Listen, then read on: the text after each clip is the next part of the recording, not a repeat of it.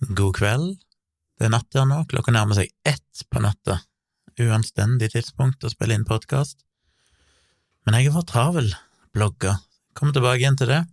Det er episode 226, og jeg er som vanlig Gunnar Kjomli, som sitter her på mitt uh, ribba kontor ettersom vi snart skal flytte, med dårligere lyd enn vanlig, er all min akustiske demping er revet ned ifra vegger og tak, og det er ikke noe teppe på gulvet. og provoserende, men dere overlever vel fortsatt noen uker til med dårlig lyd? Eller dårlig og dårlig, relativt sett dårlig lyd i forhold til det det var, men det blir bedre igjen. Jeg blogger, som sagt, jeg skal snakke litt om det seinere, men først må jeg jo si at uh, vi har kjøpt dere hus. Vi har kjøpt hus, og det er forklaringen på at det ikke ble noen podkast på fredag. Beklager det, det er liksom vanskelig å få gitt beskjed om det til folk. Jeg skulle ønske at alle lytterne mine bare fantes et sted der jeg kunne sende en melding. Jeg samler inn SMS til alle, så jeg kan sende ut SMS at du, sorry, utsatte podkast. Så jeg kan liksom ikke varsle om det. Det ble litt spontant. Vi satt jo her på onsdag i forrige uke, plutselig dukka det opp to boliger i Kristiansandsområdet som vi fant ut at shit, vi må sjekke det ut, for den ene hadde visning på torsdagen, altså dagen etterpå. Den andre hadde ikke noe visning, en måtte bare avtale med megler, men det avtalte vi da på torsdagen, siden vi uansett måtte gå og se på den andre.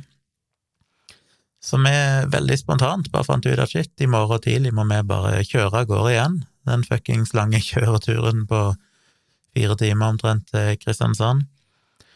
Og eh, det gjorde vi.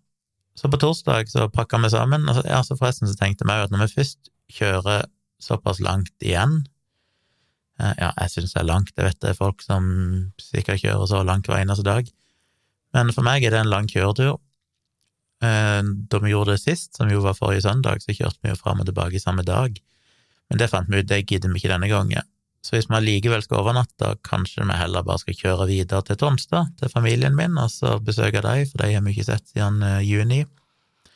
Benytte anledningen, så det gjorde vi. Så vi pakka sakene, hoppet i bilen på torsdag, kjørte til Kristiansand, det vil si, det var ikke Kristiansand, fordi vi har jo nå skjønt etter hvert at vi rett og slett ikke har råd til en bolig i Kristiansand, iallfall ikke en bolig som er en oppgradering for den vi har nå, og skal vi først flytte, så vil vi helst oppgradere litt, ha litt mer plass. Vi bor jo bare i en eh, leilighet på 96 eh, kvadrat, ikke bare bare det, det er en stor leilighet etter min standard. Jeg har bodd i ti år før det i en leilighet omtrent halvparten så stor. Men eh, ja, vi har jo en leilighet her, og vi vil ha noe større. Så alle boligene vi så på i Kristiansand, endte jo opp med å gå mange, mange hundre tusen over prisantydning så skulle vi hatt råd til noen av de boligene, så måtte vi gått veldig langt ned og sett på boliger som ligger ute til en mye, mye lavere pris, og de, hvis du skal ha de noenlunde i nærheten av byen eller i byen, så, så er jo det eldgamle boliger, eller de er små, eller de er sånne oppussingsprosjekter og sånn, og det er, var ikke vi på jakt etter. Så haster det jo litt òg, da, fordi vi har jo solgt denne leiligheten, så vi har jo en slags tidsfrist på når vi må ha funnet en ny plass og komme oss ut. Så vi fant ut at uh, du vet, en revurderer jo holdningene sine etter hvert som en uh, ser an status. Da vi starta, så skulle det jo mer eller mindre være en bolig i byen, veldig sentralt, helst i gangavstand til sentrum. Vi oppdaga fort at det var lite tilgjengelige boliger der, iallfall i den prisklassen vi hadde, det var basically ingen. Så vi begynte å utvide litt, tenkte jeg ok, vi kan jo vi kan bo en plass med sånn ti minutters kjøring fra sentrum, det, det, går greit. Og vi så jo på noen boliger der, men de endte jo òg opp med å være for dyre. Så vi ble jo litt sånn shit, hva skal vi gjøre? Um, så vi, vi rekalibrerte litt og tenkte at hvorfor ikke se på noe som ligger litt lenger vekke? Vi har jo bil, tross alt, det er ikke noe lang tur inn til byen, så la oss se. Og da åpner det seg jo en helt ny verden. Da fant vi jo de to boligene vi fant, det var en på Vennesla og en på Nodeland. Eh, Vennesla er jo et lite sted, eh, ca 20 minutter fra Kristiansand sentrum, og Nodeland er litt nærmere, kanskje 15-16 minutters kjøring fra Kristiansand sentrum, men det er enda mindre enn Vennesla.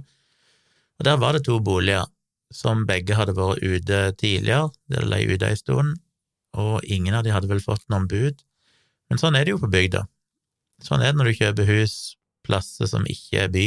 Da ligger gjerne en bolig i flere måneder, og det er ikke noe sånn budkrig, sånn som det var på de boligene som vi har sett på i nærmere sentrum, eller sånn som det er i Oslo, at du har en eh, time omtrent der alle budene kommer inn, og så skal en overby hverandre på kort tid med korte frister, og prisene blir gjerne pressa oppover. Nei, der er det jo litt mer at hvis du liker boligen og kommer med et bud, så er det jo ganske stor sjanse for at du får den. Så vi så på to boliger, og de var jo da òg Ja, den ene var vel omtrent på den samme prisen som vi hadde sett på her i, eh, i Kristiansand, men det var en splitter ny bolig bygd i 2019. Og den andre var litt grann eldre, 2011, og var en del billigere. Så vi den lå vel ute til 2,790, altså omtrent 2,8 millioner. Så vi gikk og kikka på den første, og da fikk vi jo godfølelsen, den i Vennesla. Vi har vel snakka om det, det er et eller annet med at du bare føler at ok, her, eh, denne har noe ved seg som jeg liker. En litt annerledes bolig, litt spesiell, over tre etasjer, eh, men eh, ikke veldig store etasjer. Men vanskelig å forklare, litt sånn mystisk, Veldig lite innsyn, som passer meg veldig fint. En sånn terrasse på baksida med alt si, fjellvegg på ene sida og vegger på de andre sidene, og et lite stykke til naboer. Veldig sånn intimt innelukka med skog og fjell rundt, helt sånn klin innpå. Noen mystiske ganger mellom huset og fjellveggen. Bare Og en nedre etasje som jeg basically skal kunne bruke til mine prosjekter til YouTube og podkaststudio slash gjesterom. For det er nedre avdeling, nedre etasje, som egentlig var skilt av, og som de tidligere eierne hadde leid ut. Eh, og den er jo da eget bad og eget kjøkken, og et soverom, en slags stue, da, og en bod. Og så de to øverste etasjene, der midterste etasjen var soverom og dusj eller bad og sånne ting, og øverste etasjen var stue og kjøkken.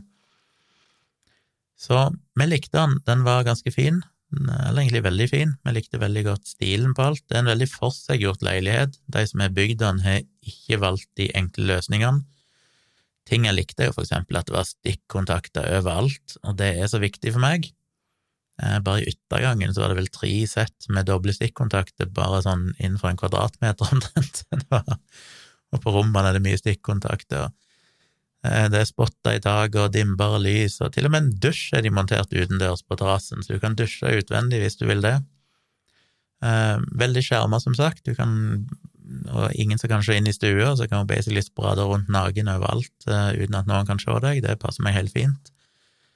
Kjøkkenet var fint, gode kvalitet på hvitevarene, ikke noe sånn billigste merke, men godt merke. Isbitmaskin i kjøleskapet, som jeg ikke drømt om hele mitt liv en innebygd kaffemaskin, veldig stor plass på kjøkkenet, en sånn steinvegg midt i stua, svart, sånn, ja, en eller annen stein, som bare var en sånn fin kontrast, som var veldig deilig.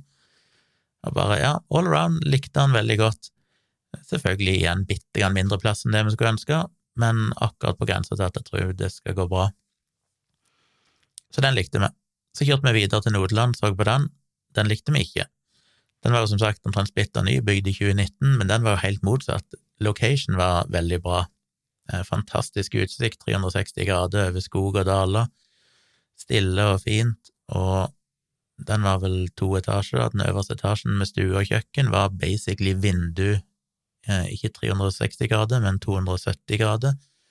Tre av veggene var altså basically vinduer fra gulv til tak, og en svær terrasse og der har du vel sol døgnet rundt, det var ingenting som skjerma, verken fra morgen til kveld. Eh, problemet var jo igjen da at der var det ekstremt godt innsyn. Du kunne jo ikke gått naken i stua der, for naboen så jo rett inn i stua, det var som å sitte i et akvarium og være på, på utstilling. Så, og den òg hadde for lite plass, den mangla iallfall et par rom. Eh, og veldig sånn billig hvitevare, alt er bygd av billigst mulig kvalitet, virka det som. Så det var fint, men det var ikke helt det vi var på jakt etter. Så da vi da begynte å kjøre videre mot Tonstad, så prata vi, og begge var enige om at shit, vi likte jo egentlig den boligen på Vennesla. Så dagen etterpå snakka vi litt med megler, stilte noen spørsmål om ting, fant blant annet ut at vi kunne faktisk åpne opp mellom nederste etasje og de to andre, sånn at det ble tre sammenhengende etasjer. For vi fant ei trapp i et hjørne, men den um, støtta rett opp i taket, der var det ei plate. Men da vi gikk opp i etasjen over, så fant vi ut at den plata var gjemt under et teppe. Så hvis en dro vekk teppet, så kunne en rett og slett fjerne den plata, og da hadde en en trappeoppgang, og det sto òg et gelender som de hadde fjerna inn på et, en bod, som vi så tidligere og stussa litt på, sånn, hvor i all verden hører dette gelenderet hjemme? Men da skjønte vi plutselig at å ja, det skal stå der, med den trappa de har fjerna. Så helt ideelt, vi likte den. Ble enige om at vi skulle legge inn bud. Som sagt, det var ikke noe budkrig, det var bare opp å egentlig legge inn et bud og sette en tidsfrist. Så vi la rett og slett inn et bud litt under prisantydning, fordi vi tenkte at vi vet jo aldri, det kan jo være vedkommende som da allerede hadde flytta ut, som er et godt tegn, de bodde ikke der lenger, ergo så har de en annen plass å bo, de er kanskje litt keen på å bli kvitt den boligen, for eh, det tar tid på bygdene, så vi la inn et bud litt under prisantydning, fikk et motbud, litt høyere, vi takka nei til motbudet og ga et nytt bud som var litt lavere, sånn midt på treet, eh, lite kompromiss, og det aksepterte de. Som endte faktisk opp med å få boligen under prisantydning, som var litt deilig, ettersom de andre boligene har jo gått eh, alt fra 500 til 800 000 over prisantydning, og en prisantydning som allerede lå 500 000 omtrent over det vi så på i Vennesla. Så der føler vi jo at vi gjorde et kupp, og er veldig fornøyd. Vi skal flytte inn 1. november, eller overtagelse 1. november, så det er jo et par måneder til. Jeg har begynt å bestille fiber. Eh, vi må finne ut hva som skal gjøre det med flytting, begynte å hente inn anbud på flyttebyrå. Det er mye som skal ordnes, men det er deilig. Deilig følelse å kjøpe det huset. Veldig rart å ende opp på Vennesla, det var ikke planen. Um, jeg har vel noen fordommer mot Vennesla, men, uh, men ja, det blir forhåpentligvis trivelig. Det er liksom de her Rema 1000 og Coop Extra som er oppe til elleve på kvelden, og en Joker som er søndagsåpen i nærheten og sånn, og da vet du at du får iallfall tak på det du skal. Og så er det jo som sagt et kvarter eller sånn, tror jeg, kvarter, maks 20 minutter å kjøre til Sørlandssenteret eller inn til sentrum. Kvarters kjøring til flyplassen. Så det er egentlig veldig greit. Det er faktisk nærmere flyplassen det jeg er her i Oslo. Eh, så når jeg skal reise på ting, så er det fortsatt mulig å, å komme seg av gårde fra Kjevik. Så alt i alt tror jeg det blir bra. Veldig spennende. Eh, lavere kostnader òg. Det blir jo et vesentlig lavere lån enn det vi har i dag. Og eh, ja, vi sparer en del penger på det, så det er godt. Det som ikke var så kult, at eh, ja, vi kjørte videre til Tonstad, var der et par netter. Kjørte tilbake igjen til Oslo på lørdag, og etter vi hadde stoppa i Notodden for å lade Teslaen, så slo bilen seg vrang. Først så begynte han å vibrere noe så satans. det var helt merkelig. Jeg begynte å kjøre bare sånn veldig sakte, for jeg skulle bare kjøre ut ifra en parkeringsplass, og så vibrerte bilen, så jeg tenkte shit. Så jeg bare skrudde den av og basically reboota den som en datamaskin, skrudde av alt og skrudde på igjen, og da var det vekke. Så gudene vet hva det var. Men så, når vi begynte å kjøre, så ga han plutselig feilmeldingen om at eh, autopilotkameraene var utilgjengelige. Så jeg prøvde alt mulig, stoppa to ganger på bensinstasjonen og vaska alle kameraene i tilfelle det hadde kommet noe dritt på dem. Prøvde å reboote bilen et par ganger, ingenting hjalp, så den uh, meldingen forsvant ikke, så jeg måtte rett og slett booke en service hos Tesla. Det er jo fortsatt ny bilgaranti på den, heldigvis, så jeg regner med at uh, det ordner seg. Men det er jo selvfølgelig litt sånn kjipt, men på en måte godt at skal det først skje, så er det jo godt det skjer mens det fortsatt er garanti på den. Så jeg forhåpentligvis får fiksa det enkelt og greit. Men ellers er vi jo veldig fornøyd med bilen. Det er jo en helt, helt nytt liv å kunne bare spontant planlegge at du, shit, i morgen må vi kjøre til Kristiansand, og så til Tonstad. Tidligere så måtte vi jo ha planlagt det ei stund i forveien og bestilt eh, togbilletter eller et eller annet for å komme oss av gårde. Det er sikkert mer jeg kunne fortalt, men jeg skal hoppe over til bloggpostene mine. Um, her før det så må jeg forresten nevne en ting som jeg irriterte meg. En litt sånn uh, don't do this-greie. Nå må vi bare se om jeg finner igjen, for det hadde jeg helt glemt vekk at jeg skulle snakke om. Så nå ble jeg litt usikker på hvor jeg gjorde av den. Skal vi se, jeg har en tweet her en plass. Dette er dårlig uh, Dårlig forberedelse. Hva i all verden gjorde jeg av den? Jo, jeg kan jo bare finne den på Twitter. Enkelt og greit. Bare skåle meg litt tilbake igjen. Det dukket opp en uh, tweet her for noen få dager siden, og den irriterte meg. Jeg burde kanskje ikke bry meg, men jeg blir irritert. Um,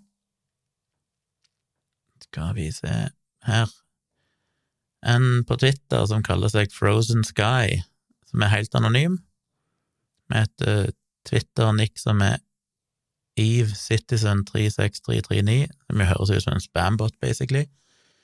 Eh, ikke noe navn i profilen, eh, delt veldig lite på profilen sin, eller så har jeg retweeta veldig mye ting og kommet med en annen tweet, men er en anonym person, og så står det i tweeten. Den er skrevet på engelsk attpåtil.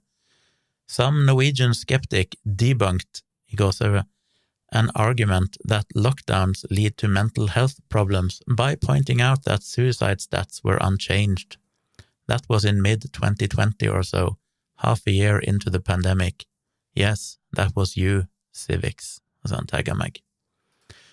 Og denne tweeten var da en svar på en tweet denne personen hadde skrevet sjøl, jeg vet ikke om det er dame eller mann, innbiller meg at det er en mann, der han eh, hadde tidligere retweeta en tweet fra en som heter Nicolas A. Christakis, som viser til en statistikk som sier at, uh, at antall selvmord faktisk gikk ned i april og juli 2020. Og da har han kommentert denne tweeten, han Nicolas, at data confirming that suicides have not risen during the pandemic, despite the evident rise in mental health problems. This is an intriguing disjuncture. Så poenget er at de mener det er godt dokumentert at helse, mentale helseproblemer har økt under pandemien, men allikevel så har ikke selvmord det, kanskje det til og med gått litt ned. Og da deler da denne Frozen Sky denne tweeten til Nicholas og skriver sjøl Yeah, imagine people feeling bad for a year or so without killing themselves. Og så kommer den andre tweeten der han da skal ja, Som da er adressert til meg. Så hva er det jeg har problemer med der? Jo, det er jo at det er basically umulig for meg å forsvare meg.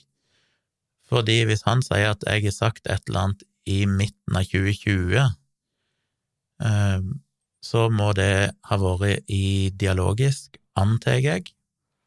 Det kan òg ha vært denne podkasten i de første episodene, da han fortsatt var lukka kun for patrons, men jeg tviler på dette, en av mine patrons. Med mindre de har gått tilbake igjen og hørt på gamle podkaster etter at jeg åpna det opp for alle.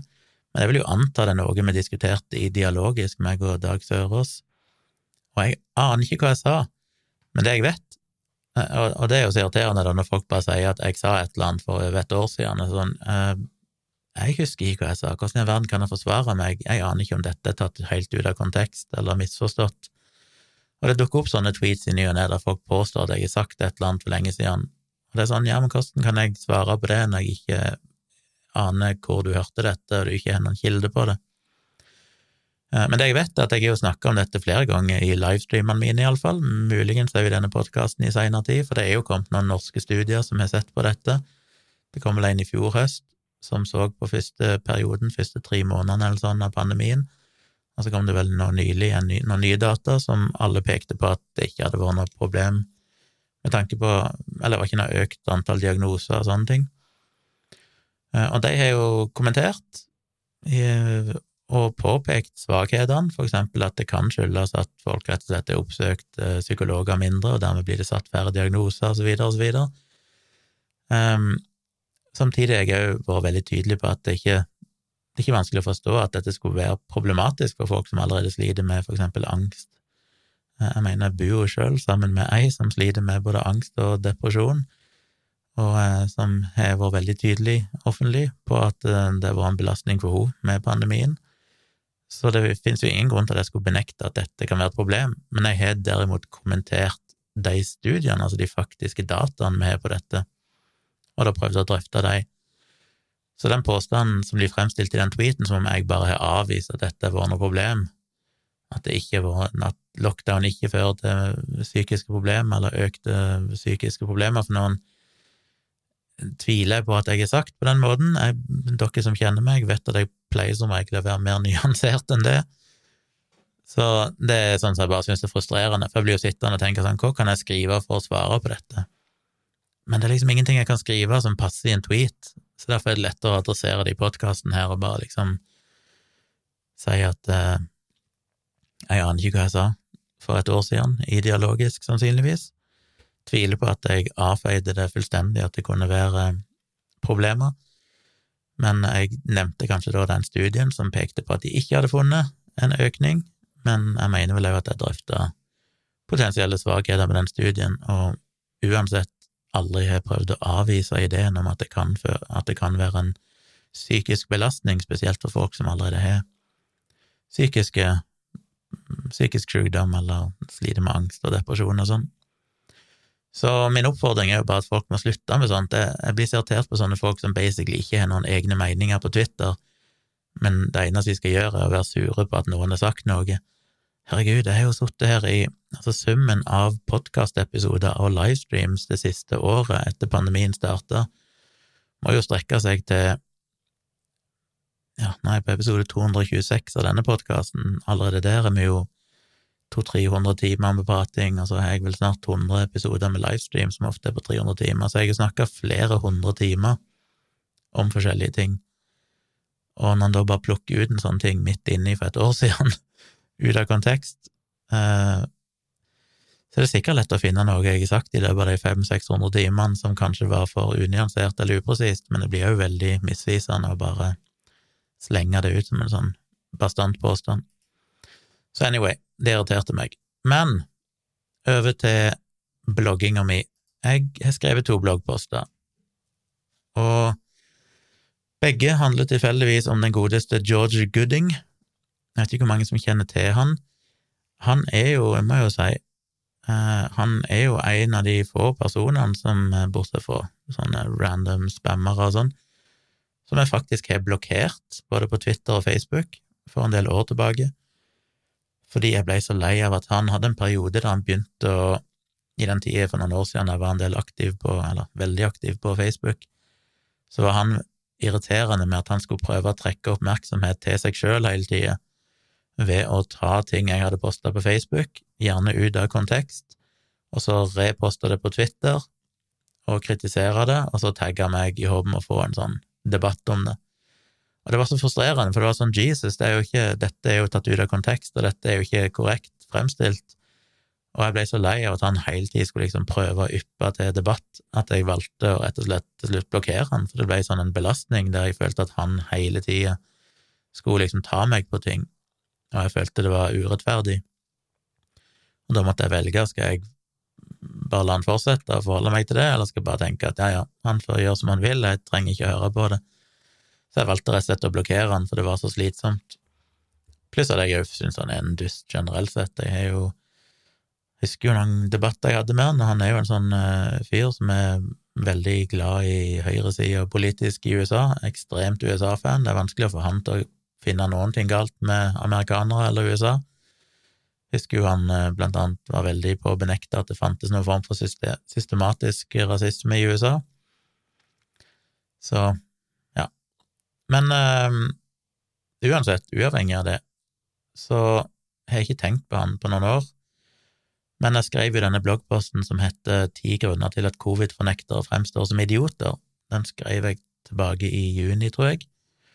Og jeg fikk en mail av han i slutten av juli der han uh, skulle da ta meg i noen feil jeg hadde kommet med. Og den har jeg jo tenkt å svare på lenge, men jeg har ikke hatt tid, jeg har ikke hatt uh, kapasitet til det, så endelig nå, når huskjøpet alt var i boks, og jeg fikk en ledig dag nå i helga, så tenkte jeg nå skal jeg bruke litt tid på å faktisk svare på den når jeg gjør det i bloggen. Så det gjorde jeg. Så det ble jo en, en noenlunde lang bloggpost som i stor grad gjentar ting jeg allerede har skrevet tusen ganger, om PCR-testing og alt dette her. Men så lenge det fortsatt er folk som sprer denne type feilinformasjon, så tenkte jeg det var verdt å ta det enda en gang til. Om ikke annet enn bare å få jekka han litt ned. Jeg vet jo at han har vært gjest i han der eh, Wolfgang, er det han heter? Wolfgang Wee sin podkast. Så vidt jeg har skjønt, jeg har ikke hørt den, men jeg har fått tips om at den burde jeg ta en lytte til, for der sier han visst òg mye rart om eh, covid og pandemien. Og jeg irriterte meg litt over at ikke jeg har tid og ork til det, men nå fikk jeg jo den mailen ifra han, så da fant jeg ut ok, da kan jeg heller ta for meg den, for en sånn tre timers podkast hos Wolfgang V er vanskelig å adressere eller reacte på, det blir altfor mye. Så det var litt deilig å få en, en, en mail som for så vidt var lang nok, men iallfall hadde noen konkrete ting jeg kunne adressere og sitere direkte. Så det gjorde jeg. Jeg skal ikke gå så mye gjennom denne, fordi eh, ja, dere har hørt det før. Jeg har snakka om det her, jeg har blogga om det, jeg har snakka om det i livestreams. Tror ikke det er noe spesielt nytt her. Han klarer jo igjen å gjøre det sånn her brutale, sjokkerende feilene med at han argumenterer med at ved PCR-testing så kjører en 45 sykluser, og det er jo altfor høyt, for da vil du få mange falske positive, og jeg bare panneklask, panneklask, panneklask. Fordi hvordan går det an å ikke ha skjønt det ennå, hvordan dette faktisk fungerer? Spesielt når han da kritiserer en bloggpost der jeg spesifikt nettopp forklarer hvordan det fungerer, som er bare helt sjokkerende. Jeg forklarer jo akkurat der hvordan det fungerer med kilder, og så eh, ender han jo da opp med å gjenta akkurat den samme feilen i kritikken til meg. Um, ja, så jeg eh, skrev den. Jeg fikk noen mailer av han etterpå, for jeg sendte han mail og sa at jeg hadde svart han i bloggen. Jeg fikk noen mailer. Kanskje jeg lager en oppfølgingsbloggpost, men de tilbakemeldingene han kom med, hadde egentlig ikke noe særlig substans som jeg følte var verdt å adressere, så jeg får se. På den annen side så merker jeg at han i dag, og dette er jo litt morsomt, må jeg jo si, i dag så hadde han tagga meg for noen timer siden inne på Facebook, og jeg bare tenkte å nei, han kan ikke tagge meg, for jeg har jo blokkert han, men han tagga Saksynt, sida mi, og der skriver han sitat Saksynt har dratt fram en e-post jeg sendte ham i juli i et åpenbart forsøk på å drite meg ut etter jeg utfordret løgnene om Ivermektin her om dagen. Da må jeg bare skyte inn at jeg hadde ikke lest at han hadde skrevet noe om Ivermektin når jeg skrev den bloggposten, men det får nå så være. Uh, her er det mye å ta tak i blant alle, all stråmannsargumentasjonen, men jeg vil ta tak i et veldig enkelt eksempel på hvordan Tjomli forholder seg til en fantasiverden basert på en tanke om, at hvordan han, tanke om hvordan han tror sannheten burde være, fremfor hva den faktisk er. Han skriver Goodings poeng er kanskje at en positiv PCR-test ikke kan avdekke om en person har blitt syk med covid-19. Det er teknisk sett korrekt, men det er få friske personer som aldri har hatt symptomer, som velger å teste seg. Jeg tror Tjomli har sittet for mye hjemme bak pulten sin hvis han virkelig tror at det er få friske personer som aldri har hatt noen symptomer, som velger å teste seg. I ukerapportene til FHI pleide de frem til uke 23 å gi tall for grunnen til at folk testet seg blant meldte positive tilfeller, Symptomer eller tegn til smitte sto da for ca. bare 30% av testene som ble utført hvor de hadde slike data tilgjengelig. 70% av de som testet positivt tilbake på den tiden, testet seg altså av andre grunner enn at de følte seg syke. Disse eksisterer ikke i verdenen til Tjomli. Så må man ta med alle, som, alle de som testet negativt, da. Selv har jeg testet meg to ganger på grunn av symptomer. Negativt begge ganger men jeg har hørt om mange som har testet seg fordi jobben krevde det, fordi de ble fanget opp i smittesporing, fordi man ville være helt sikker på, før man dro på ferie, fordi man måtte det i sammenheng for å reise ut av landet. Fra i dag starter Oslo kommune opp med massetesting av elever nok en gang, som jo ikke akkurat kan sies å være på grunn av symptomer. Her testes titusener av helt friske barn. Hvordan er det faktisk mulig for Tjomli å bare late som man ikke vet at disse eksisterer? Det er helt ufattelig, det tyder på at argumentasjonen hans gjorde seg avhengig av at dette var sant, så da måtte det være sant, uansett om det var helt tøysete feil. Denne evnen og viljen til å blånekte for helt åpenbare ting er noe av det villeste som foregår i samfunnsdebatten nå om dagen. Og så er han da av en graf eh, fra eh, FHI som viser årsaker til testing hos de tilfellene som er rapportert inn som positive. Så kommer jo kommentarfeltet unna med en gjeng folk som jo er litt sånn uh, uh, Ja At de mener det er klassisk venstreside. Hver gang de møter argumenter de ikke har svar på, så har det aldri skjedd, så er det ikke sant, eller så har de aldri hørt om det før, bla, bla, bla. Er den klassiske Tommy Zielinski, som jo alltid 'dette ute etter meg, som 'tjomskallen er ikke god, rett og slett', og så videre.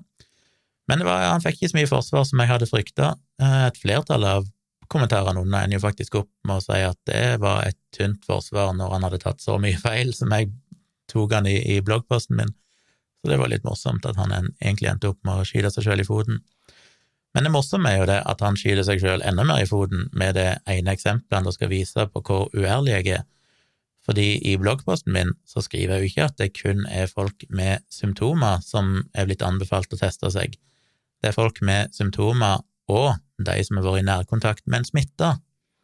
Og hvis en ser på grafen, så, så er jo da rundt eh, ca. 30% er folk som har symptomer eller tegn på covid-19 som har testa seg men over halvparten av de er i forbindelse med smittesporing. Så hvis du summerer de to, symptomer og smittesporing, så kommer du opp i 80–90% av alle som har testa seg, gjør det av de årsakene. Og hva er smittesporing, om ikke nettopp definisjonen på at denne personen har vært i nærkontakt med en smitta? Ergo så har jeg jo helt rett. Han viser en graf som understreker poenget mitt, at for konteksten her er jo at PCR-testing gir mye falske positive hvis du bare tester folk helt tilfeldig, men basert på sånn bayesisk statistikk, så er det jo sånn at hvis eh, sjansen for at det er positive er høyere i utgangspunktet, så synker jo antall falske, nei, falske positive betydelig. Så hvis du bare tester folk helt randomly i en befolkning med lite smitte, så vil du få mange falske positive. Hvis du derimot tester folk som allerede har en viss sannsynlighet for å ha blitt smitta, enten fordi de har symptomer eller fordi de har vært i nærkontakt med smitta, så synker andelen falske positive dramatisk. Det er dette som jeg snakket om før, som kalles for prior probability og sånn. Eh, kjent statistisk fenomen eh, som jeg òg prøvde å, vise i den episoden av Folkeopplysningen som handler om kroppen på service, som jeg var med og jobba med i fjor. Så dette er jo kjent statistikk, og derfor så var jeg tydelig på at ja, det er falske positive med PCR-testing, men det synker veldig hvis du tester folk som allerede har en forutgående sannsynlighet for å kunne være smitta. Så er jo poenget hans her da at dette er feil, for det er jo bare 30% av de som har testa seg, som hadde symptomer. Og det er helt rett, men uh, over 50 hadde da uh, vært i nærkontakt med en smitta, sånn at da de aller, aller fleste som har testa seg og testa positivt i disse FHI-dataene, er nettopp folk som er den type personer som jeg eh, sa var de som testa seg. Så det er jo litt morsomt slash trist at når han da skal trekke fram ett sånn klassisk eksempel på hvor uærlig jeg er, så ender han opp med å skyte seg sjøl i foten og faktisk vise data som sier at jeg faktisk hadde helt rett. Og det er jo nettopp sånne ting som gjør meg litt oppgitt over denne George Gooding. Han er veldig selvhøytidelig. Han er, omtaler seg som mediekritiker og skal liksom gå ut og og korrigere alle disse feilene, og så ender han jo bare opp med å drite seg ut eh, gang på gang, fordi at han ikke egentlig forstår det han snakker om, eh, kanskje spesielt nå her med pandemien. Um, og da, en, en, av de nyere tingene jeg for så vidt fant data på i den siste bloggposten her, var jo at han mente Jeg skrev vel en eller annen plass i den der ti grunner til at covid-fornektere fremstår som idioter, at antall sykluser du kjører for PCR-testen, ikke nødvendigvis eh, er så viktig, for den er såpass eh, høy uansett. De kjører 40 eller 45 sykluser, men de leser jo av eh, per syklus når de faktisk får et positivt signal, altså når de krysser en sånn grenseverdi som sier at her er det sannsynligvis smitte. Og det er ikke noe å si det om du kjører 45 eller 100 eller 1000 sykluser, fordi at hvis det slår ut på 25 sykluser, så slår det ut på 25 sykluser, selv om du kjører 45 totalt. Eh, og da skrev jeg vel en plass at selv om du hadde senka antall sykluser til 35, så vil du fortsatt, eller 30 til og med, så vil du fortsatt fange opp nesten alle smittetilfeller, fordi de aller fleste som er smitta, har en CT-verdi, altså som da representerer antall sykluser de har kjørt, på under 30. Men det ville han da ha en kilde på, og det er jo helt fair å spørre om, så jeg ga noen kilder, en svær tysk studie som hadde sett på 100, over 160 000 tyskere som hadde blitt testa, og der de så at snittet lå på en CT-verdi på 29,6 hos de asymptomatiske. mens den lå nede på 25,5 hos de symptomatiske, altså de som hadde utvikla sykdom. Begge deler altså under 30. En annen tysk studie hadde sett på litt over 65 000 personer, og der fant de at CT-verdien lå på rundt, i snitt eh, på rundt 25. En annen studie fra Qatar hadde sett på alle som ble testa i juli 2020, og fulgte opp alle de positive testene, og fant at gjennomsnittlig CT-verdi var 24,05, og mer enn 75% av de hadde en CT-verdi under 30. Og så må man huske på at for hver syklus, altså hver gang du går opp et hakk på CT-verdi, så har du dobla antall virusmengder. Så det øker jo veldig fort. Eh, øker du CT-verdien med 3,3, så er du altså tidobla antall virusmateriale eller genmateriale som blir detektert. Så det, det, er ikke sånn at det er en lineær skala, sånn at det er like stor forskjell på 29 og 30 som det er på 30 og 31. Nei, det øker jo med det dobbelte hele tida. Så derfor det, blir jo på en måte den skalaen mer og mer aggressiv jo høyere du kommer. Så hvis de 75% av de smitta hadde en CT-verdi under 30, og hvis du går helt opp til 35 sykluser, da, så kan du jo tenke deg, som gjerne blir regna som cutoff i Norge for at du skal ha en positiv verdi, noen opererer med 33, så er det ekstremt få da som vil eh, egentlig ligge i nærheten av det tallet. Så selv om du kan si at ja, men cutoff burde ikke ligge på, på mer enn 31 eh, eller 32, så vil du allikevel fange opp så godt som alle tilfellene. Eh, og så var det en som minte meg på et eller annet sted i en mail eller noe sånt, eller nei, det var i en kommentar på Facebook under denne bloggposten jeg delte den, at Nakstad hadde vel sagt i den NRK-debatten som var her tidligere før sommeren en gang, at i Norge så lå snitt CT-verdi på 22. Så hele denne argumentasjonen de har med at 45 er altfor mange sykluser, er jo basert på en misforståelse, men òg hvis de hevder at ja, men antall sykluser, eller en positiv test, burde ligge under 30 eller 35, ok, greit, Fortsatt så vil da de aller fleste testene som blir regner som positive, være positive, for det snittet ligger helt nær på 22 i Norge.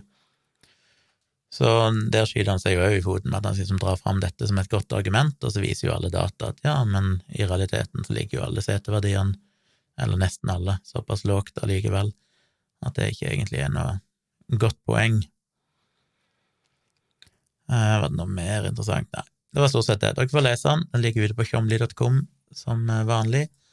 Men i dag, like etter faktisk idet jeg drev og posta den bloggposten i går, så så jeg plutselig at det dukket opp en artikkel han hadde skrevet i Nettavisen for noen dager siden, som heter Når latterliggjøring av en podkastvert er viktigere enn sannheten, og der tar han for seg Ivermektin.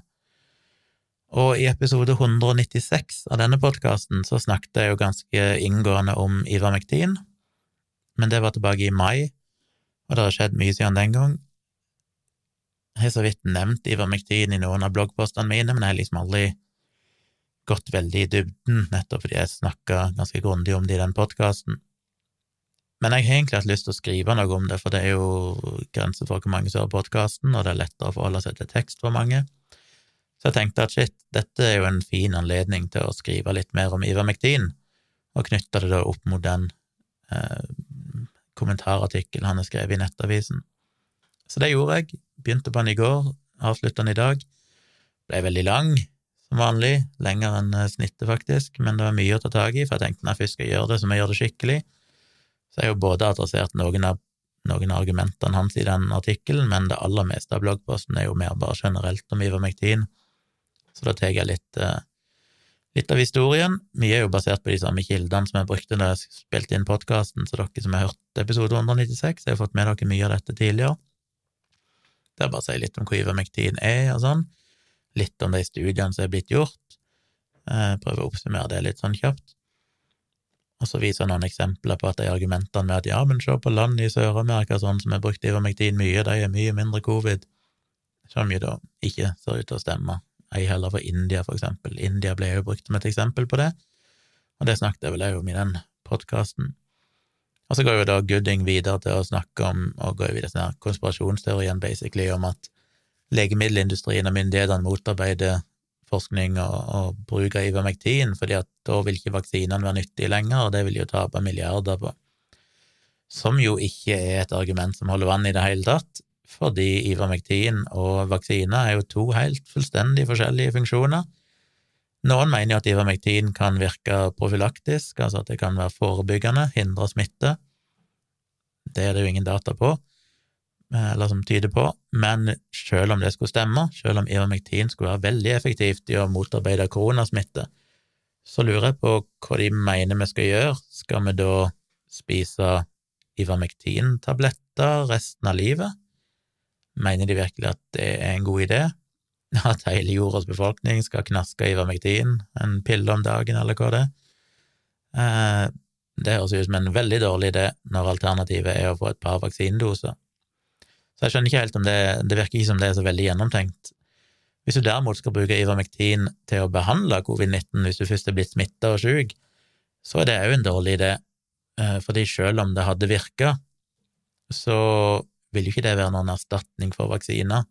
Fordi ja, det vil jo da i så fall være nyttig behandling av covid-19, som ville vært flott, men det vil jo ikke begrense smitte, fordi når du allerede er smitta og har begynt å utvikle symptomer, så er det jo stor fare for at du allerede har smitta andre. Mange er jo også asymptomatiske, de er smitta uten å vite det, og smitter da andre. Så Ivermektin vil jo ikke ha noen effekt på pandemien og smittespredning.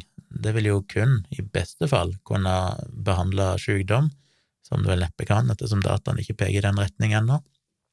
Men til og med om det virker, så vil det altså være et dårlig, dårlig alternativ. Så det er ingen effekt på vaksiner. Selv om Ivermektin skulle vise seg å funke som bare det, så vil jo fortsatt vaksiner være akkurat like nødvendige og viktige. Så argumentet om at legemiddelindustrien skulle være rett for Ivermektin av den grunn, er jo helt meningsløs.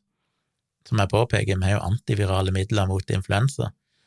Det betyr jo ikke at ikke folk vaksinerer seg mot influensa, fordi det er to helt forskjellige ting.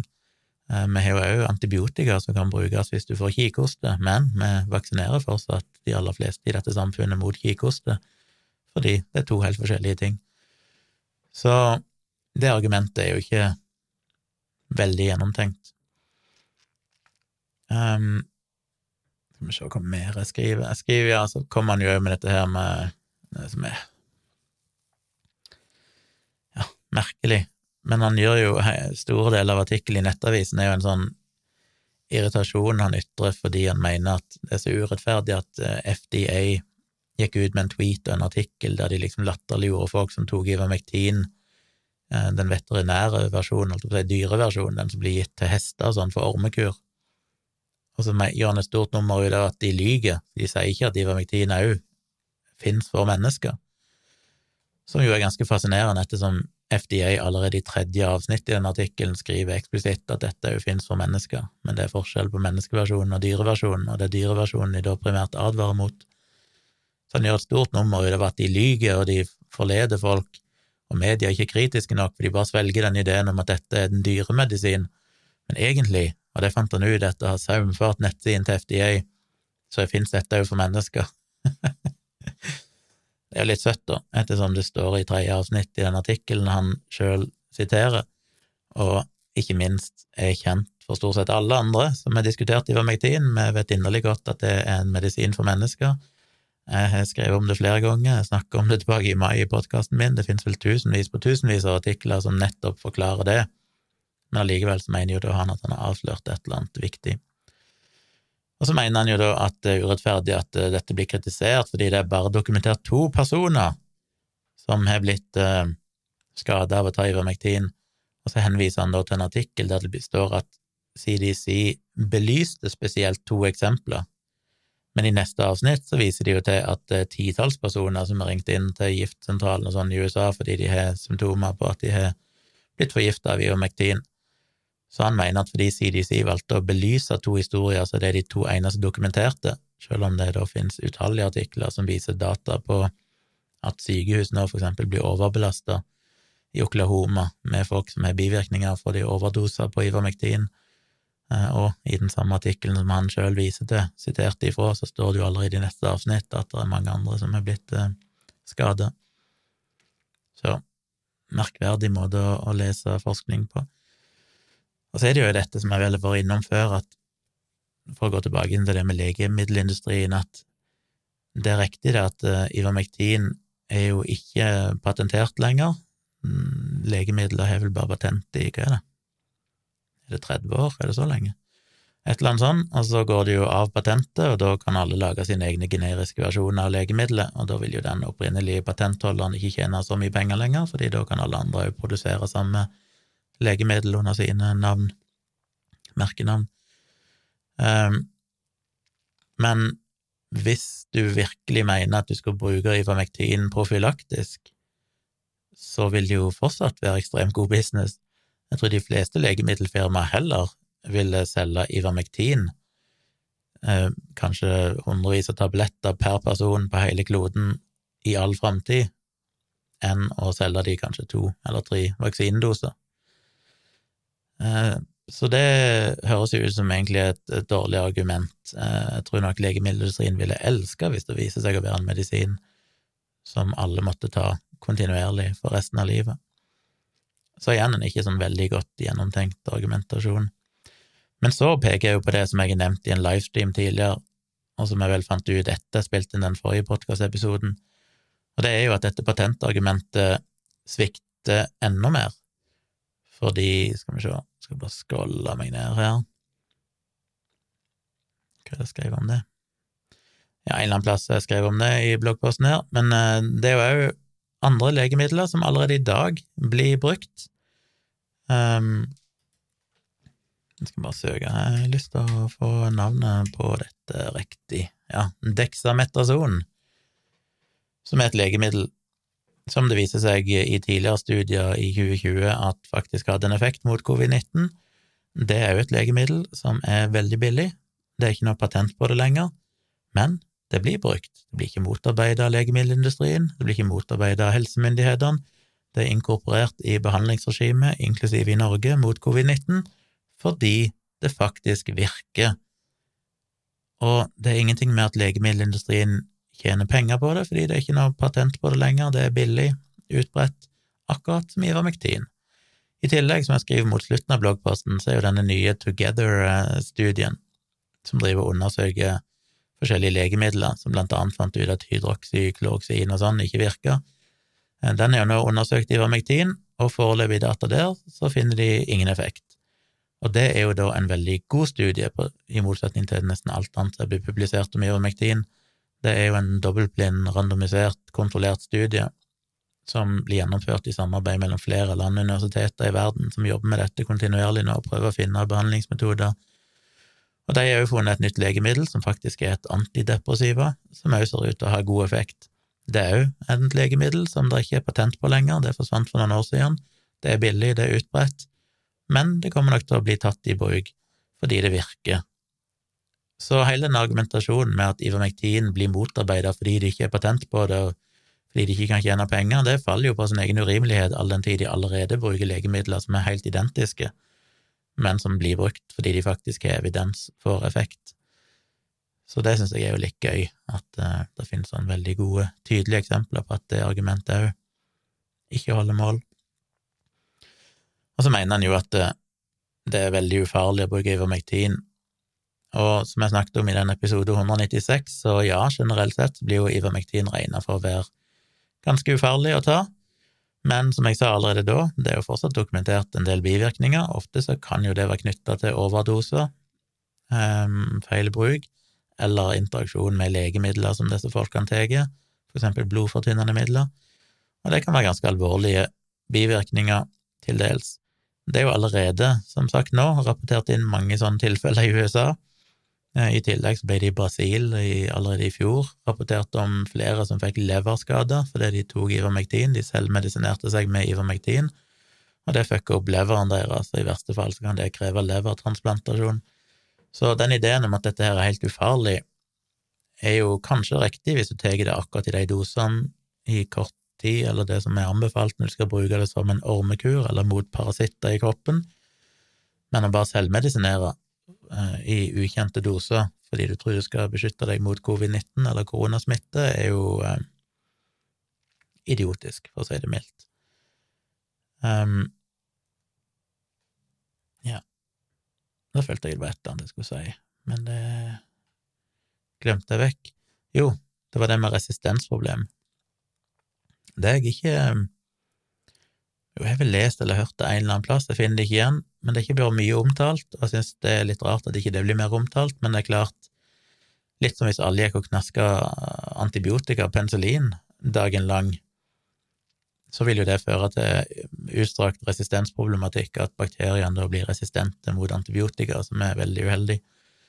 Og det kan en jo anta kanskje her òg, hvis da folk nå i store deler av verden går og knasker Ivermektin, så er det jo en potensiell risiko at disse parasittene, disse makkene eller ormene som eh, kan komme i tarmen til folk og sånn, som da Ivermektin er veldig effektivt mot, at de da etter hvert vil bli resistente mot Ivermektin, og det vil jo ha enorme dramatiske effekter i framtida, fordi ja, her i Norge så tenker vi ikke på det som et problem med parasitter, men i store deler av verden så er jo det et alvorlig problem, at folk får i seg forskjellige parasitter gjennom maten de spiser, og urenhet og sånn, som kan ha forferdelige helseeffekter.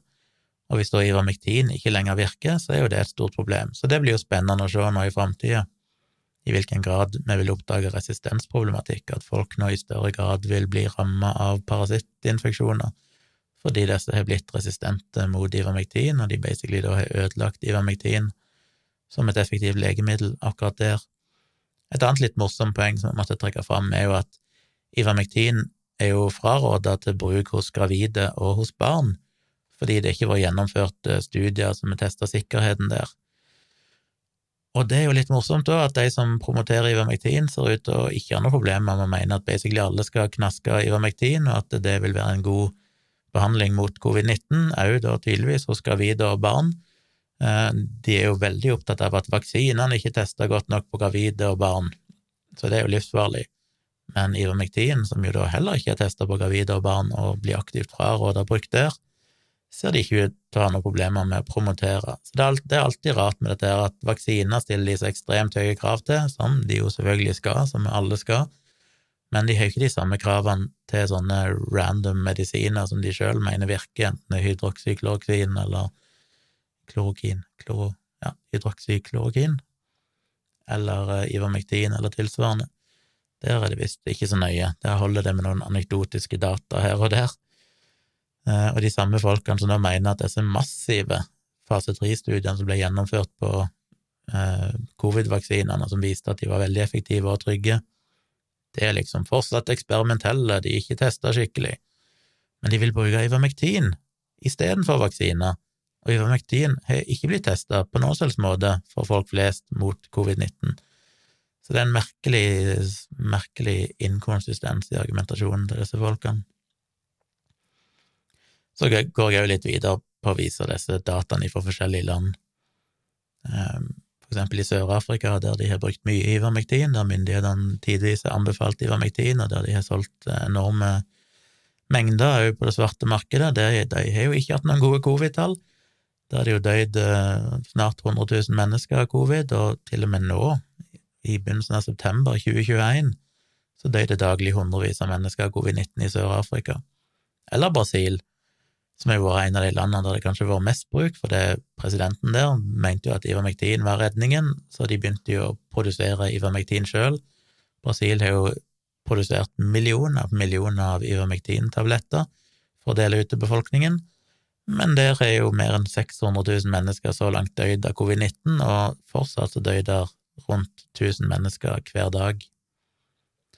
Og så fant jeg jo en interessant studie i den sammenhengen som hadde sett på mer enn 3000 innbyggere i Manaus, Manaus i Brasil, eh, der de skulle sjekke liksom hvorfor, i hvilken grad selvmedisinerte de seg med forskjellige ting og sånn.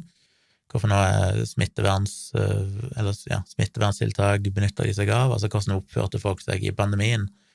Og det de fant der, var at hos de som selvmedisinerte seg med Ivermektin, så fant de altså høyere smittetall, høyere sjanse for å bli smitta. Sannsynligvis fordi Ivermektin gir en falsk trygghet.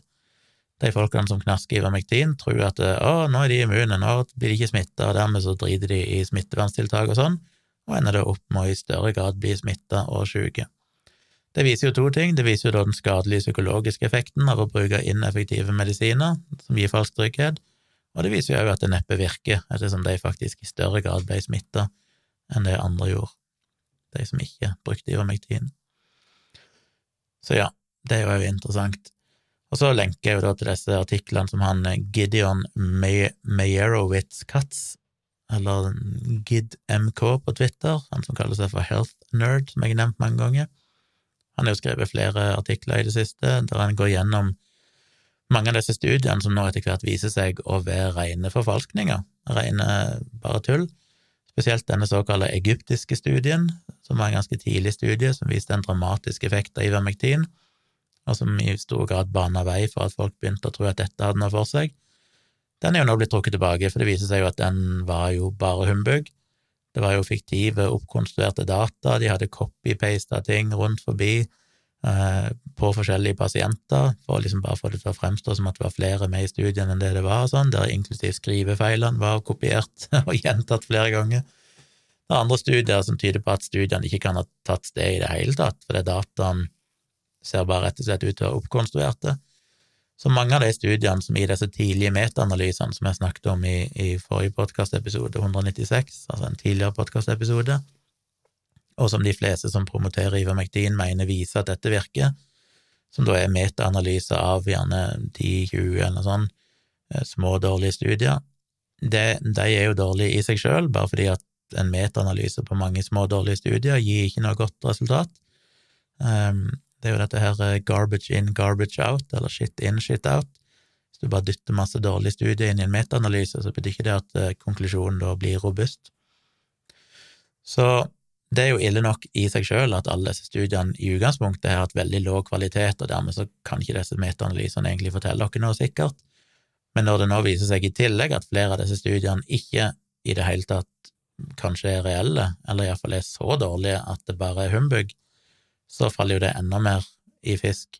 Blant annet så er jo han Gideon Meyerowitz Katz, han har gjort noen nye analyser der han har tatt ut den egyptiske studien, som da alle er enige om at det er en forfalskning og er nå blitt trukket tilbake, og da vil flere av disse kjente, mest publiserte metaanalysene gå ifra å ha et positivt resultat til å ha et negativt resultat, fordi da peker summen av de studiene som er igjen, på at det faktisk ikke er noen effekt i det hele tatt, og kanskje til og med skadelig.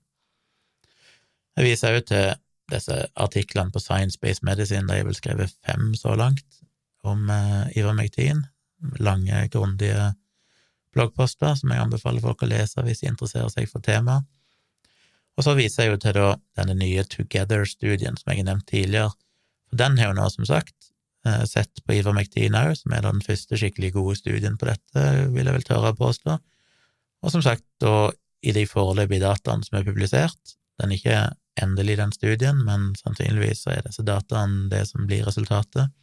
De finner jo ikke noen tydelig effekt av at uh, ivermektin virker, så det virker jo litt som spiger i kist, siste spiger i kista for det. Mot slutten så tar jeg for meg noe jeg òg har hatt lyst til å gjøre en stund, det er jo de to uh, debattinnleggene til han uh, godeste overlegen Anders Bugge i Aftenposten, som kom tidligere i sommer jeg ranta vel litt om det i en livestream eller noe sånt, eh, men nå har òg eh, lege Andreas Wahl Blomkvist skrevet en liten gjennomgang av Ivermectin i Dagens Medisin for noen dager siden. Så jeg tok for meg dem litt, spesielt han Anders Bygge, fordi han baserer jo sin argumentasjon Han er jo overlege. Jeg hadde forventa at han visste bedre, men han svelger jo rått av disse tidlige metaanalysene som basically bare besto av svært små, dårlige studier, og han mener at disse er verdt å, å se nærmere på og tenker at ivermektin kanskje virker likevel. Og så bruker han òg som argument at han sier to studier publisert av bla, bla, bla og bla, bla, bla, mener at det faktisk virker. Men når du går inn og ser på hva han faktisk lenker til, så er det jo ikke studier. Den ene er en review-artikkel. Jeg snakka om det før. En review-artikkel er jo en slags oppsummering av status på forskningen innenfor et eller annet tema, og de er ofte ganske agendaprega og subjektive. Han som skrev den, var jo en av oppfinneren, eller ikke oppfinneren, men oppdageren, en av de som fikk nobelprisen for å ha oppdaga Ivermectin. Eh, det skjedde jo på midten av 70-tallet, men han fikk jo da nobelprisen i 2015. Han har skrevet en review-artikkel der han argumenterer for at Ivermectin kan ha noe for seg, men det forteller dere jo ingenting. En review-artikkel kan holdt opp seg hvem som helst skrive og vinkle som de vil. Det er ikke en, en faktisk originalstudie, det er ikke en systematisk litteraturgjennomgang, det er en subjektiv litteraturgjennomgang. Den andre såkalte studien som bygger lenka til, var jo bare rett og slett en redaksjonell artikkel, som handla om ivermektin, der det var en eller annen fyr som mente at dette sannsynligvis virka. Og det er litt sånn Jesus. Eh, for det første kaller de for studier når ingen av de er studier, og mener at det skal være argumenter. Det blir jo basically bare en mening. Se, her er det to som mener at det virker, ergo bør norske myndigheter òg bruke det. Veldig, veldig svakt for overlegebygget, som vel kanskje er et eksempel igjen på at du kan gjerne ha en legetittel eller en overlegetittel, men ikke nødvendigvis være så flink i å lese forskning kritisk, eller forstå hva debatten faktisk handler om. Jeg nevner jo litt eh, Andreas Wahl sin, eh, og det er ikke Folkeopplysningen sin Andreas Wahl, men en som heter Andreas Wahl Blomkvist, som jeg har diskutert mye med tidligere i forskjellige sammenhenger, og jeg har jo skrevet en artikkel sammen med i Aftenposten for noen år siden, der vi kritiserte kiropraktikk. Eh, veldig dyktig fyr, jeg vil også nevnt han, for han kom ut med den boka som eh, jeg brukte i en tidligere podkastepisode der jeg snakka litt om eh, bruk av rusmidler som eh, behandling for eh, depresjon og sånne ting. Han har jo skrevet ei bok om det, der han ser på rusmidler og, og effekten i behandling for det. Det er jo hans, sitt, hans lidenskap for tida, det vil han jobbe med òg for tida. Men han eh, har skrevet en, en grei artikkel i Dagens Medisin som er ganske nøktern og går gjennom forskningen og peker på styrker og svakheter i studier og, og, litt sånn, men det er jo tydelig at han heller i retning av at det kanskje er mer effekt her enn det kritikeren mener. Men han konkluderer likevel med at det er for tidlig å anbefale Ivermectin til klinisk bruk, samtidig som han også sier at det må være litt opp til enhver lege hvis de føler at det kan være nyttig, så kanskje det kan være verdt å gi til pasienten, som jeg synes er en litt for feig konklusjon, fordi når dataene er så dårlige som de er, så syns jeg det er Ja, det, det, blir litt som ting jeg skrev om tidligere, enten er alternativ behandling eller om det er LDS, en lavdosert naltrekson og sånn, som minner litt om Ivermectin. Det er et legemiddel som har vært brukt lenge, det er billig, for det er ikke noe patent på det lenger, og noen begynte plutselig å tro at det kunne kurere multippel sklerose og til og med aids og sånne ting. Spesielt etter en TV 2-dokumentar for noen år siden, som da gjorde at produksjonen av LDS i Norge økte med mange tusen ganger Folk gikk jo bananas, de skulle ha eh, LDS for å behandle alt mulig. Og da var det jo sånn at ja, leger kan gi dette off-label, altså de kan gi et legemiddel som ikke nødvendigvis er godkjent for for eksempel MS, de kan gi det mot MS hvis de går god for det sjøl, bruker sin faglige kunnskap og integritet og sier at dette tror jeg er bra for min pasient. Men bør de gjøre det når ikke dataen finnes, eh, evidensen finnes? Det mener jo jeg nei. Det mener jeg å bare si at eh, jo, hvis pasienten vil ha det, så, så skader det vel ikke, det er ganske trygt legemiddel. Det blir akkurat det samme som med, med Ivermectin. Det mener jeg å holde pasienten for narr. Eh, du som fagperson skal forholde deg til den faktiske evidensen som finnes, og ikke, ikke skrive ut eller forskrive medisiner som det ikke er god evidens for at faktisk virker for den tilstanden de vil bruke det. Så påpeker jeg òg at Hval uh, ikke ser ut til å ha fått med seg noe av den kritikken ifra forskjellige eksperter som har sett på disse studiene og funnet ut at mange av de da er, er særdeles tvilsomme. Sånn at de metaanalysene som tidligere viste et positivt resultat, neppe er det uh, allikevel. Og så nevner jeg jo, for det er vel ikke gjort tidligere, at til og med Cochrane, som jo blir sett på som gullstandarden innenfor uavhengige forskningsanalyser, kom jo med en, en eh, review i, i, slutten av juli, litt over en måned siden, der de konkluderte med at dataene er såpass dårlige og mangelfulle at det ikke går an å konkludere i noen retning, og derfor så kan en heller ikke anbefale å bruke Ivermectin utenfor gode studier, som er akkurat det samme som EMA og Verdens helseorganisasjon og sånn sier. Så jeg avslutter bloggposten med å basically si det som jeg har sagt før, og som jeg sa i episode 196, at det er jo ikke utenkelig at ivermektin kan ha en liten effekt. Det er godt dokumentert at det er antivirale effekter. Problemet er jo da den praktiske bruken, at du må opp i ekstremt høye doser for å finne denne antivirale effekten, og det kan du neppe gi uten at det da samtidig vil være alvorlige bivirkninger. Så i beste fall så vil en finne at når disse dataene for denne Together-studien blir endelig analysert, så kan det være en finner en liten prosenteffekt, og det er jo nyttig, for all del, det er helt topp, da kan det òg brukes som en del av arsenalet vi har i å behandle covid-19, hvis det viser seg å kunne hjelpe for noen pasienter, Men å tro at det er noen mirakelmedisin som både forebygger og kurerer og hindrer død og sånn, eh, sånn som noen av disse studiene tyder på, der de mener at omtrent er 100% effektivt, det, det ville være veldig sjokkerende om det viser seg nå, etter all den forskningen som er gjort. Så kanskje viser det seg å ha en liten effekt, det er i så fall flott, men neppe noen dramatiske effekter. Det er nok ekstremt overhypa. Og så viser jeg òg, som jeg nevnte tidligere, at denne Together-studien har funnet ut at dette antidepressiva som heter fluvoxamin, faktisk ser ut til å kunne ha en effekt på enkelte covid-pasienter, som da er jo et billig legemiddel, ikke beskytta noen patent og sånn. Men det rare er jo det at verken fluoksamin eller dette dexame... Hva er dette, dexameton? Nei, det er andre legemidler jeg nevnte tidligere. Jeg har aldri hørt Joe Rogan eller Brett Weinstein eller George Gooding eller noen av de andre drive og markedsføre det og si at alle bør ta fluoksamin. Og hvorfor ikke? Jo, fordi det er ikke blitt en sånn uh, spydspiss i den politiske debatten. Eh, det er en historie her som jeg skriver litt om i bloggposten, som gjør at nettopp ivermektin er liksom blitt en sånn et sånn redskap for å erklære seg som kontrær, og at du tør å kalle en spade for en spade, og at du tør å være politisk ukorrekt og gå imot eliten og fagpersonene. Men disse to andre legemidlene jeg har nevnt, som faktisk har evidens og effekt, kvalifiserer til akkurat de samme tingene som Ivermektin gjør, men fordi ingen av de egentlig har hørt om det, eller egentlig bryr seg i det hele tatt om det, så blir aldri de nevnt. Jeg tror ikke George Gooding kommer til å skrive en uh, kommentarartikkel i Nettavisen der han argumenterer for at fluoksamin bør uh, brukes av mange flere. Så Eller Joe Rogan. Jeg har ikke hørt Joe Rogan ta fluoksamin. For det er liksom ikke kult, det er ikke en del av den der agendaen de har. Og da eh, er dette bare sånn fundamentalt uredelig. Det, det, handler jo ikke om at de vil noen vel, eller at de ønsker best mulig behandling mot covid-19, det er ren politikk, rett og slett. Det er kulturkrig, og ingenting annet enn det, til syvende og sist. Så det er en liten gjennomgang av min bloggpost. Det er mye mer her, men en del av det har jeg jo snakket om før, så da gjentok jeg ikke.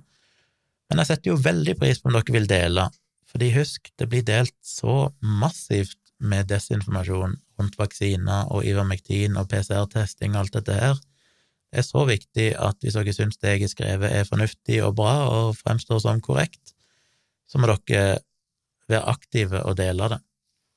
Ikke fordi dere skal dele bloggen min, jeg tjener jo null kroner på at folk deler mine bloggposter, det er ikke noe reklame eller noen ting der men i mangel av annen sånn informasjon på norsk, det er ikke så mange artikler jeg har sett som har tatt for seg disse tingene på kritisk vis, så er det viktig at de òg blir delt, for det blir jo delt så mye piss, og de har ofte stort potensial for deling, fordi folk ønsker, som sagt, å være kontrære, folk ønsker å, å være den første som har oppdaga noe som ikke alle andre har oppdaga, som går stikk i strid med det helsemyndighetene sier. Det er alltid kult å dele sånt, men å dele ting som kanskje er litt mer sånn ja, jordnært og faktisk ikke er så veldig kontrært, men som kanskje heller da er korrekt, kanskje ikke, gir kanskje ikke samme dopaminkicket. Men det er likevel veldig viktig. Så om ikke dere deler min bloggpost, så del de jeg har lenka til, eh, de som han Gideon, han epidemiologen, har skrevet, eller de på Science-Based Medicine. Det er ikke så nøye, men de er på engelsk, og jeg tror det er litt nyttig å dele ting på norsk. Så veldig kult om dere vil dele på Twitter og Facebook og, og andre plasser. Poste i kommentarfeltet der dere ser dette blir diskutert, eller bare dele på profilen deres. Det er så viktig at vi, vi som faktisk bryr oss om god vitenskap og forskning, eh, er aktive i å dele, og jeg har lagt ned mange, mange timer i å researche og skrive dette, så da håper jeg å få mest mulig hjelp ifra dere lyttere til å dele det videre, hjelpe meg med den jobben det er å nå ut til folk med god informasjon og folkeopplysning. Hvor lenge jeg snakker da? En bikka en time, ja. Da kan jeg begynne å nærme meg en slutt. Jeg eh, tenkte egentlig bare helt til slutt jeg ville anbefale serien på HBO som heter Succession. Jeg vet at mange av dere har sett den før, jeg vet jeg er late to the game, som jeg ofte er. Eh, vi har blitt anbefalt den tidligere, vi så vel én episode for noen kort tid etter han kom, men så så vi bare den ene episoden, jeg vet ikke hva det var, så ikke noe mer. Men av ulike grunner så fant vi ut vi skulle prøve den på nytt. Jeg er litt usikker på hvorfor, delvis fordi vi vel så Hva var det vi så? Et eller annet om eh, Om de her uh, uh, Hva de heter Han godeste Åh uh, Det er helt stille for meg. Uh, han fyren som står bak Murdoch, Murdoch-gjengen, Rupert Murdoch og sønnene hans, og alt det forferdelige de har gjort, iallfall noen av de. Succession er vel, så vidt jeg har skjønt, delvis basert på de, litt sånn løst. En sånn familie med mye penger og makt som vil kjøpe opp alt av media nyhetskanaler i USA og sånn, og ta over kontrollen og er generelt sett jævlige folk, rett og slett bare jævlige, det er så grusomt å se på. En får jo lyst til å bli kommunist, en får lyst til å stemme rødt ved alle fremtidige valg når en ser hvor jævlig sånne folk med mye penger er. Jeg har snakket om det tidligere i podkasten her, at jeg er jo ikke tilhenger av at det skal være mulig å, et, å akkumulere for mye formue eller ha for høy lønn, for det, det tror jeg er en trussel mot demokratiet, og det sier de jo rett ut. Han ene sier jo det at det er deilig å være rik, fordi du kan nesten gjøre som du vil, og myndighetene kan ikke røre deg. Og det, ja, det er fiktivt, det er en TV-serie, men det er nok veldig nærme sannheten, og det har vi jo sett i flere eksempler, at veldig rike folk kan gjøre veldig mye dritt over veldig lang tid, og kjøpe seg ut av problemene, betale politiet, betale folk for å fjerne informasjon og gjøre alt som vi vanlige folk ikke kan gjøre. Svindle enorme pengesummer og gå fri, mens vi må svi hvis vi bare jukser 100 kroner på skatten, holdt jeg på si.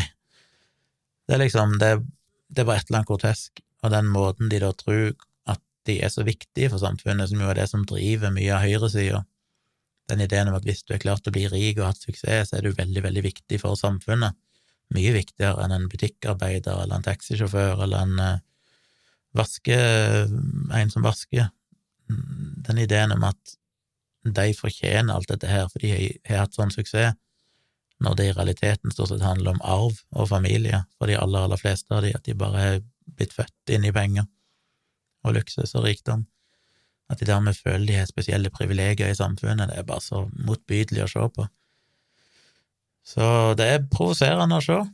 Jeg tror det gir et relativt godt bilde av den verdenen, faktisk. Selv om det er fiksjon, så er det jo basert på en del som åpenbart er sant. Så hvis ikke du har sett Succession på HBO, så kan jeg definitivt anbefale den. Jeg har nettopp sett første sesong. Um, begynte med på andre, det husker jeg ikke nå, men skal iallfall se andre, andre sesong nå. Det er vel kommet to sesonger, så vidt jeg vet. Så det gleder jeg meg til. Eller så ser jeg på bloggerne, jeg ser på Første date. Mye god TV der ute. Det er jo alltid like underholdende med de seriene. Det var litt sånn i stedet da jeg var ferdig med bloggposten og hadde posta den, så måtte jeg inn og se en episode av bloggerne, for jeg trengte noe hjernedødt å se på etter å ha brukt hjernen min altfor mye i mange timer. Så det, det, er godt å slappe litt av med sånt. Men det tror jeg vi kaller for en episode. Gå inn og les bloggpostene mine, del de i veldig gjerne. Husk å stikke innom eh, kritisketenkere.no, registrer dere en konto der, helt gratis og fritt. Vil dere støtte arbeidet jeg driver med, så kan dere bli betalende medlem på kritisketenkere.no, eller dere kan gå inn i bloggen og klikke på å kjøpe meg en virtuell kaffe, um, eller se på livestreamene mine og gi meg superchats på YouTube. Alt det er god hjelp til det jeg driver med.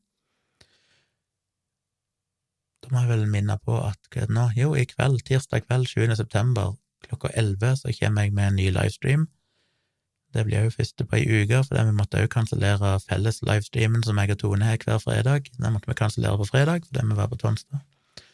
Men altså, tirsdag nå så kom jeg med en livestream på kvelden, og på fredag så er jo meg og Tone tilbake, mest sannsynlig, hvis ikke det skulle skje noe, med en felles livestream som vi kaller for Ærlig talt. Og på onsdag så blir det en ny felleskonferanse inne på kritisketenkere.no for alle som er VIP-medlemmer eller medlemmer av den innerste sirkel, altså betalende medlemmer. De er ikke på det nederste nivået, som heter støttemedlem, for det er bare støttemedlem, men er du VIP-medlem eller mer, så får du litt eh, godis i retur, og da kan du blant annet delta på felleschat inne på Zoom. Hvis du trenger mer informasjon om det, så er det bare å ta kontakt med meg i en lang kanal. Du kan maile meg på tompratpodkast.gmil.com hvis du har innspill til noe av det jeg snakker om, eller tips eller anbefalinger eller spørsmål til fremtidige episoder. Um, jeg er jo på Twitter som Civix, C-I-V-I-X. Det er jeg òg på Instagram.